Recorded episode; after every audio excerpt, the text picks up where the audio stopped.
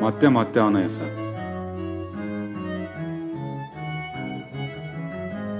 Programımızın bu bölümünde Avukat Haluk Can Elmada anayasanın özel hayatın gizliliği başlıklı 20. maddesini anlatacak.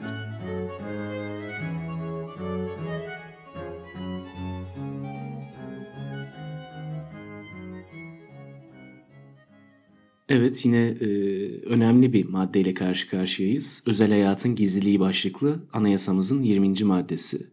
Diyor ki herkes özel hayatına ve aile hayatına saygı gösterilmesini isteme hakkına sahiptir. Özel hayatın ve aile hayatının gizliliğine dokunulamaz. Milli güvenlik, kamu düzeni, suç işlenmesinin önlenmesi, genel sağlık ve genel ahlakın korunması veya başkalarının hak ve özgürlüklerinin korunması sebeplerinden biri veya birkaçına bağlı olarak usulüne göre verilmiş hakim kararı olmadıkça yine bu sebeplerle bağlı olarak gecikmesinde sakınca bulunan hallerde de kanunla yetkili kılınmış merciğin yazılı emri bulunmadıkça kimsenin üstü, özel kağıtları ve eşyası aranamaz ve bunlara el konulamaz. Yetkili merciğin kararı 24 saat içinde görevli hakimin onayına sunulur. Hakim kararını el koymadan itibaren 48 saat içinde açıklar, aksi halde el koyma kendiliğinden kalkar. Herkes kendisiyle ilgili kişisel verilerin korunmasını isteme hakkına sahiptir. Bu hak kişinin kendisiyle ilgili kişisel veriler hakkında bilgilendirilme, bu verilere erişme, bunların düzeltilmesini veya silinmesini talep etme ve amaçları doğrultusunda kullanılıp kullanılmadığını öğrenmeyi de kapsar. Kişisel veriler ancak kanunda öngörülen hallerde veya kişinin açık rızasıyla işlenebilir. Kişisel verilerin korunmasına ilişkin esas ve usuller kanunla düzenlenir. Şimdi basamak basamak bütün fıkraları açıklayacağız tabii ki. Ama başlangıç olarak şöyle bir giriş yapsak iyi olur. Şimdi insan e, toplumsal bir varlık. Aksine düşünmek de hayal etmek de pek mantıklı değil. İnsanlar ilk çağlardan beridir topluluklar halinde yaşamasına rağmen toplum içinde yaşayan insanların aynı zamanda diğer insanlarla paylaşmadığı, kendisine ait özel bir hayatı da mevcut. Kişinin sadece kendisinin belirlediği kişilere açtığı, bilinmesini istemediği ve korunmasını istediği bu hayata biz özel hayat diyoruz. Bunun bir sonucu olarak da her insan özel hayatına saygı gösterilmesini isteme hakkına sahip. Bu hak başta anayasa olmak üzere güvence altına alınmış bir hak. İnsan kişiliğinin sağlıklı gelişmesi için başkalarının denetiminden ve gözetiminden uzak, özgürce yaşayacağı hayata da ihtiyacı var. Diğer kişilik haklarıyla kıyaslandığında özel hayatın daha ayrı bir öneme sahip olduğunu görüyoruz zaten. Aslında bu hak kontrolü kişinin elinde olan ve başkalarının müdahalesini istemediği bir hayata olanak sağlıyor. Temelinde de özgürlük ve mahremiyet yatıyor. Özel hayat konusunu yalnızca hukuki olarak değil, felsefi, dini, ideolojik olarak da ele almak mümkün. Fakat biz programımız kapsamında biliyorsunuz yalnızca hukuki kısmını ele almaya çalışıyoruz. Zaman zaman da felsefi yanlarına temas ediyoruz. Tabi bu noktada konuta saygı hakkından da bahsetmek gerekir. Anayasanın 21. maddesinde de konut dokunulmazlığı başlığı altında ayrıca korunmakta olan bir hak. Bir sonraki bölümümüzde de bunun üzerinde duracağız zaten. Konut kişinin özel hayatını en yoğun yaşadığı yerdir. Dahası insanlığın modernleşme sürecine kadar özel hayat ihtiyacı daha doğrudan olarak konut dokunulmazlığıyla sağlanmıştır. Bir diğer yandan baktığımız zaman anayasanın 22. maddesinde de haberleşme hürriyeti koruma altına alınmakta. Haberleşmeden kasıt da kişiler arasında her türlü vasıtayla yapılan bilgi ve düşünce aktarımını ifade ediyor. Haberleşme kavramını geniş anlamda özel hayatın bir alt unsuru olarak kabul etmek gerek. Herkes haberleşme hürriyetine sahiptir ve haberleşmenin gizliliği esastır.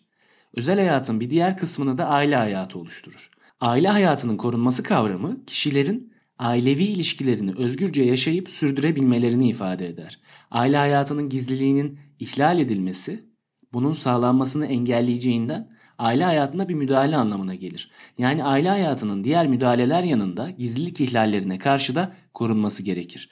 Ki maddemizin başında zaten ne diyor? Herkes özel hayatına ve aile hayatına saygı gösterilmesini isteme hakkına sahiptir. Özel hayatın ve aile hayatının gizliliğine dokunulamaz. Tam olarak anlatılmak istenen husus bu aslında. Şimdi esasen özel hayat dediğimiz kavram bütün insan hakları içerisinde anlaşılması en zor alanlardan bir tanesi. Mahremiyet kişilerin, grupların veya kurumların kendilerine ait verilerinin ne zaman, nasıl ve ne ölçüde diğerlerine aktarılabileceğini kendilerinin belirleme hakkından ibaret. Şimdi insan sosyal bir varlık olarak daima başkalarıyla ilişki içinde. Bu ilişkiler sonucunda insanlar başkaları tarafından görülmekte, izlenmekte, karşılıklı görüş ve düşünceler açıklamakta, Olaylar başkaları tarafından öyle ya da böyle duyulmakta. Bunun sonucu olarak da kişilerin yaşam olayları hakkında başkaları bir şekilde bilgi edinmekte. Bu bilgilerin kapsamı kişinin başkalarıyla olan ilişkisinin derecesine bağlı. Kişi yaşamında birçok olayı ne zaman, kiminle, hangi ölçü içinde paylaşacağına bizzat kendisi karar veriyor.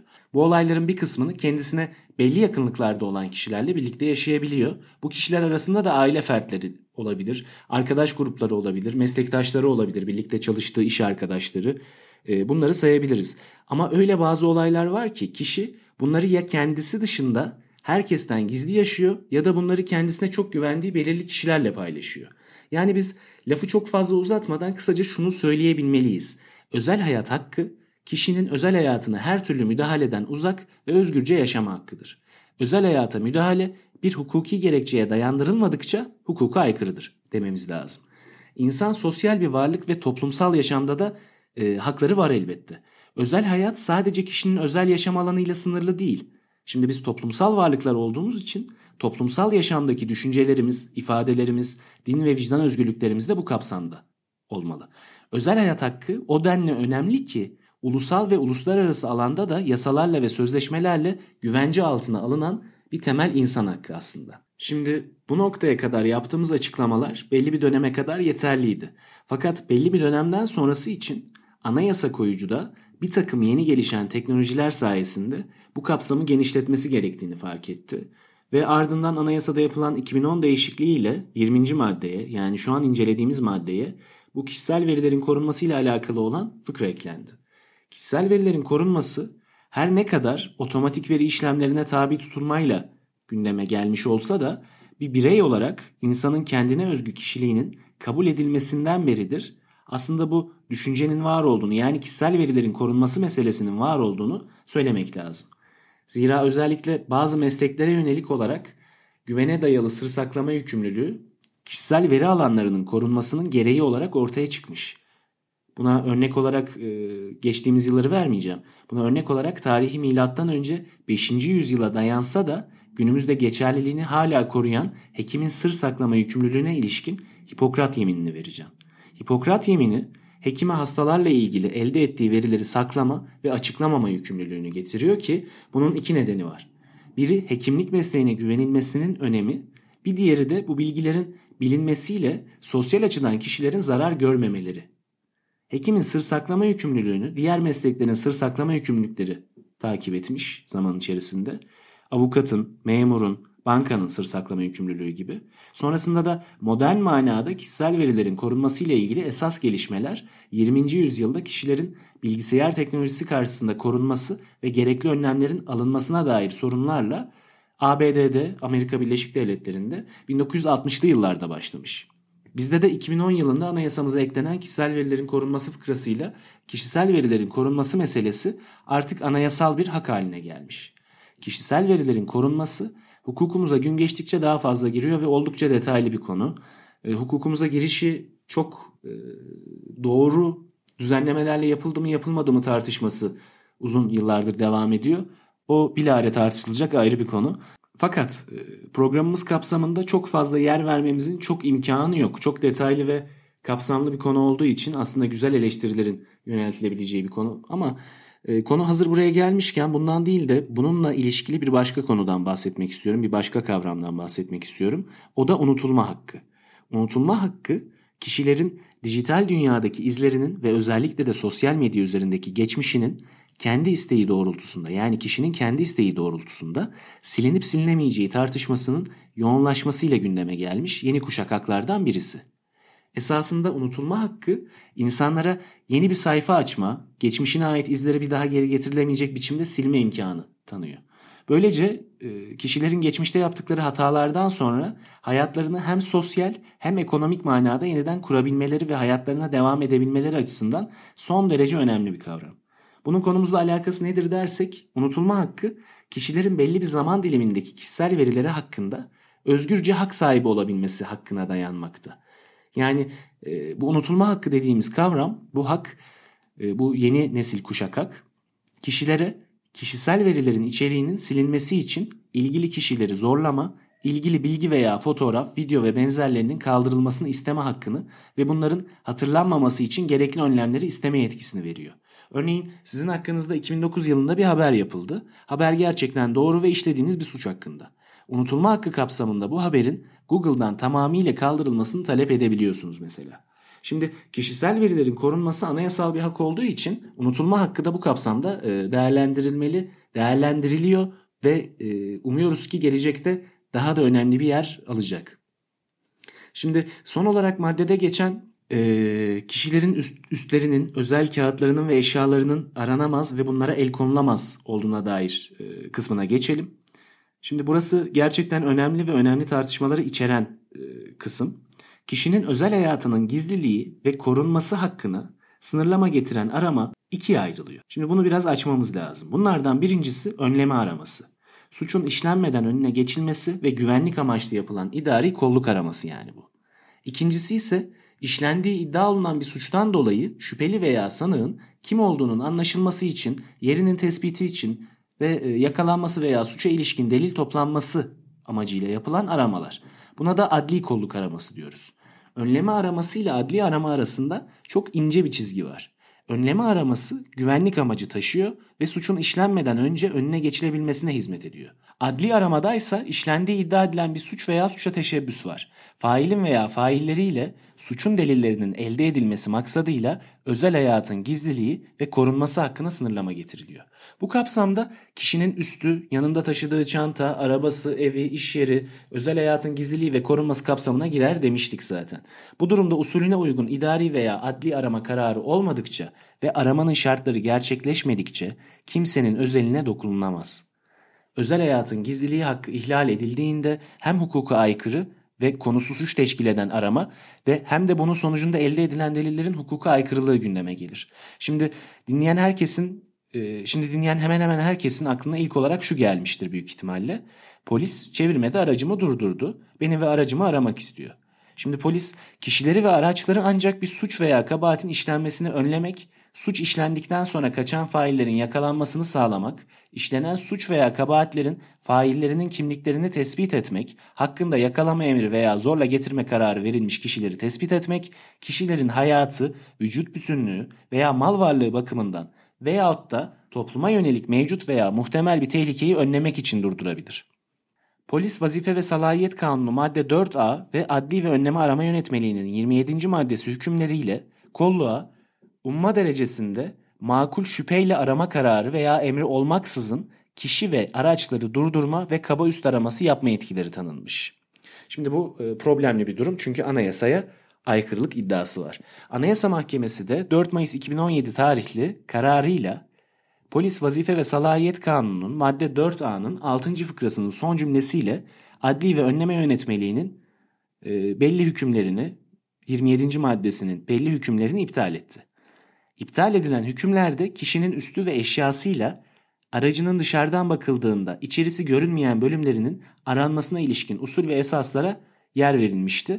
Anayasa Mahkemesi bu kararında Polis Vazife ve Salahiyet Kanunu madde 4A ile ilgili yaptığı değerlendirmede dedi ki, iptale konu hükmün durdurulan kişilerin üstü ve eşyalarıyla araçlarının dışarıdan bakıldığında içerisi görünmeyen bölümlerinin aranması İçişleri Bakanlığı tarafından belirlenecek esaslar dahilinde mülki amirin görevlendireceği kolluk amirinin yazılı emrine bırakılmakta, böylece gecikmesinde sakınca bulunmayan hallerde de hakim kararı olmaksızın arama yapılmasına imkan tanıdığını, anayasanın 20. maddesinin alınan hükmü açık olup gecikmesinde sakınca bulunan bir hal olmaksızın usulüne uygun verilmiş hakim kararı dışında başka bir merciğin kararıyla arama yapılmasının mümkün olmadığını, dolayısıyla bu kuralın bu yönüyle anayasanın 20. maddesiyle çeliştiği tespitinde bulunmuş. Şimdi biraz e, karışık geldi muhtemelen dinlerken ama şu şekilde. Polisin durdurma yetkisini kullanabilmesi için mesleki tecrübesine veya içerisinde bulunduğu durumdan edindiği izlenime dayanan makul şüphenin varlığı gerekmekte. Kanunda sayılan bu sebepler soyut ve polisin dilediği zaman kullanabileceği hukuki gerekçeler gibi gözükse de esasen kanun koyucu polis vazife salahiyet kanununun madde 4A'da önleyici veya veya adli görevi gören polisin görevi kapsamına giren somut bir nedenin varlığını aramış. Bu sebepler dışında keyfi olarak veya bu sebepler gerçekleşmediği halde bunlardan birisi varmış gibi davranarak kişileri durduran ve kontrol işlemlerini uygulayan polis görev hududunu aşmıştır dememiz lazım. Polis vazife ve salahiyet kanunu madde 4A'nın 3. fıkrasıyla az önce bahsettiğimiz adli ve önleme aramaları yönetmeliğinin 27. maddesinin 4. fıkrasının ilk cümlesi uyarınca polisin kanunda sayılan sebeplerden birisinin varlığını durdurduğu kişiye veya araçta bulunanlara bildirmeden kimlik sorabilmesi mümkün değildir. Polis üzerinde resmi üniforma olsa bile görevini yerine getirirken kendisinin polis olduğunu belirleyen belgeyi gösterdikten sonra yani kendi polis kimliğini gösterdikten sonra ancak ondan sonra kişilere kimliğini sorabilir diyor. Şimdi e, bundan daha fazla açıklama yaparak konuyu iyicene karmaşık bir hale getirmek istemiyorum. Fakat bu maddemiz oldukça önemli. Üst aramasıyla alakalı, aracınızın aranabilmesiyle alakalı, üstünüzde bulunan eşyaların aranabilmesiyle alakalı olarak anayasayla uygulama arasında ciddi anlamda farklılıklar bulunmakta. Uygulamada ciddi anlamda anayasa ihlalleri bulunmakta. E, bu şekilde elde edilen hukuki delillerin aslında hukuka aykırı olarak e, elde edilmiş, kabul edilmesi gerekmekteyken ceza yargılamasında biz çoğu zaman bunların hukuka uygun bir delilmiş gibi değerlendirildiğini de görüyoruz. Bu benim açıkçası e, kişisel bir eleştirim olsun. Fakat eleştiri yalnızca kişisel boyutta değil. E, ne yazık ki. Şimdi bir sonraki bölümde sevgili avukat Gülten Kaya anayasanın 21. maddesinde düzenlenen konut dokunulmazlığını inceleyecek. Görüşmek üzere.